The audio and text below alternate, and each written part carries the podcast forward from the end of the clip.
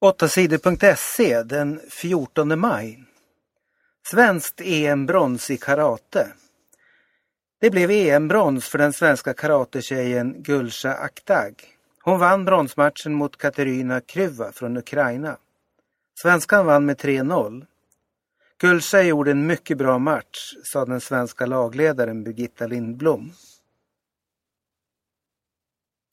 Sävehof vann handbollsguld. Sävehof är svenska mästare i handboll för herrar. Laget vann lördagens SM-final mot Kristianstad. Det blev en enkel seger. Sävehof vann med 29-21. Det här känns fantastiskt, säger Sävehofs målvakt Thomas Forsberg efter finalsegern.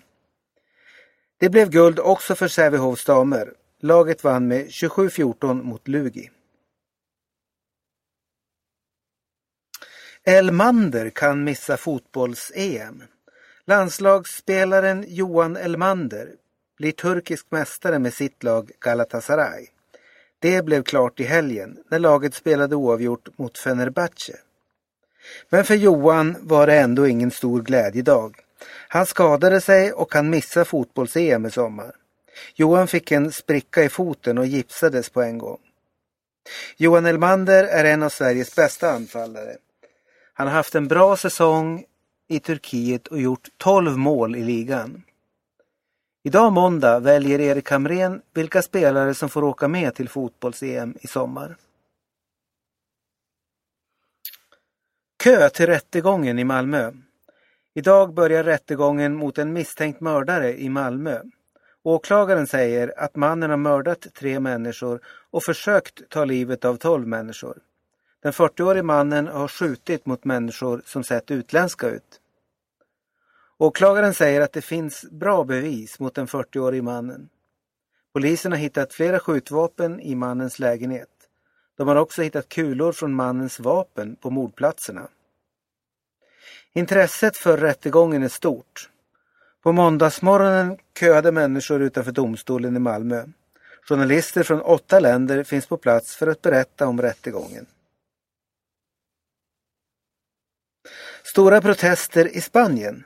Massor av människor demonstrerade på gatorna i Spanien i helgen. Arga människor protesterade i Madrid, Barcelona och flera andra stora städer. I Barcelona demonstrerade 45 000 personer. Många spanjorer är missnöjda med regeringens hårda sparande. Pensioner och bidrag sänks och skatterna höjs. Allt fler spanjorer förlorar jobbet. Vi är trötta på det här. Regeringen tar våra pengar, sa en av demonstranterna. Spanien har lånat för mycket pengar. Landet har fått svårt att betala räntorna på sina lån. Staten måste spara pengar, annars är risken stor att Spanien tvingas ta nödlån från EU, precis som Grekland fått göra. En världsstjärna lägger av. Det blir inget OS i sommar för trestegshopparen Christian Olsson. Den 32-åriga världsstjärnan slutar med idrotten. Christian Olsson skadade sin fot under ett träningsläger i USA i förra veckan. Den skadan blev det som stoppade svenskens idrottande. Christian Olsson är en av Sveriges allra bästa idrottare. Han har vunnit allt som en friidrottare kan vinna. OS, VM och EM. De senaste åren har Olsson plågats av en massa olika skador. Han har inte kunnat träna och tävla som han vill. Olsson hoppades kunna tävla i OS i sommar och slåss om medaljerna.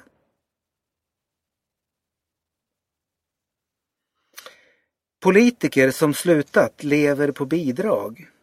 Många politiker som slutar i riksdagen väntar med att ta ett nytt jobb. Istället lever de på bidrag. Efter valet 2010 slutade 123 politiker i riksdagen. Nästan hälften av dem lever fortfarande på pengar från staten. De har inte skaffat något nytt jobb. Det visar en undersökning som SVT har gjort. Miljöpartisten Mikael Johansson var politiker i riksdagen i 12 år. 2010 slutade han. Sedan dess har han levt på bidraget från riksdagen. Han får 37 000 kronor i månaden utan att behöva jobba. Så kan han fortsätta att göra ända tills han fyller 65 år och får pension. Jag har inte sökt något jobb alls, säger han till Dagens Nyheter. Många tycker att det är orättvist att politiker som blir arbetslösa får så mycket pengar utan att behöva söka jobb. För en sjuksköterska eller en fabriksarbetare som förlorar jobbet är reglerna mycket tuffare. De tvingas klara sig på mindre än hälften av vad politikerna får. De får bara pengar från a-kassan i ett år. Våldsamma bråk i Bangladesh. Omkring 3000 fabriksarbetare demonstrerade i Dhaka i landet Bangladesh på söndagen. Demonstranterna säger att en arbetare blivit dödad efter ett bråk med några chefer. Protesterna slutade i våldsamma bråk med poliser. Demonstranterna kastade sten på poliserna, brände bilar och krossade fönsterrutor. Poliserna svarade med att skjuta gummikulor och spruta tårgas på arbetarna. Bråket gjorde att omkring 100 fabriker tvingades stänga. I det här området gör en halv miljon arbetare kläder åt några av de mest kända klädkedjorna i världen. Svenska H&M tillverkar en stor del av sina kläder här. Stor oro i Grekland. En bomb sprängdes på måndagsmorgonen vid ett skattekontor i Aten i Grekland. Inga människor skadades av smällen. Bomben är en protest mot regeringens hårda sparande, tror poliserna. Många människor i Grekland har det riktigt jobbigt. Allt fler förlorar jobbet. De har svårt att få pengarna att räcka. Men regeringen måste spara för att kunna få nödlån från EU. Utan de pengarna slutar Greklands ekonomi att fungera. Då kan staten inte längre betala löner, pensioner och bidrag. Landets pengar är slut. Politikerna i Grekland försöker bilda en ny regering efter valet i förra veckan. Men än har de inte lyckats med det. Flera av de politiska partierna säger nej till det sparande som EU tvingar landet till.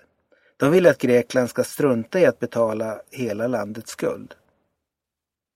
EU säger att Grekland måste betala, annars slutar EU-länderna att hjälpa Grekland. Då går Grekland i konkurs och måste kanske lämna EMU och sluta använda euro.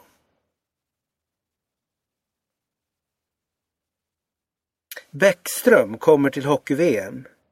Sverige har spelat bra i ishockey-VM och vunnit de första matcherna.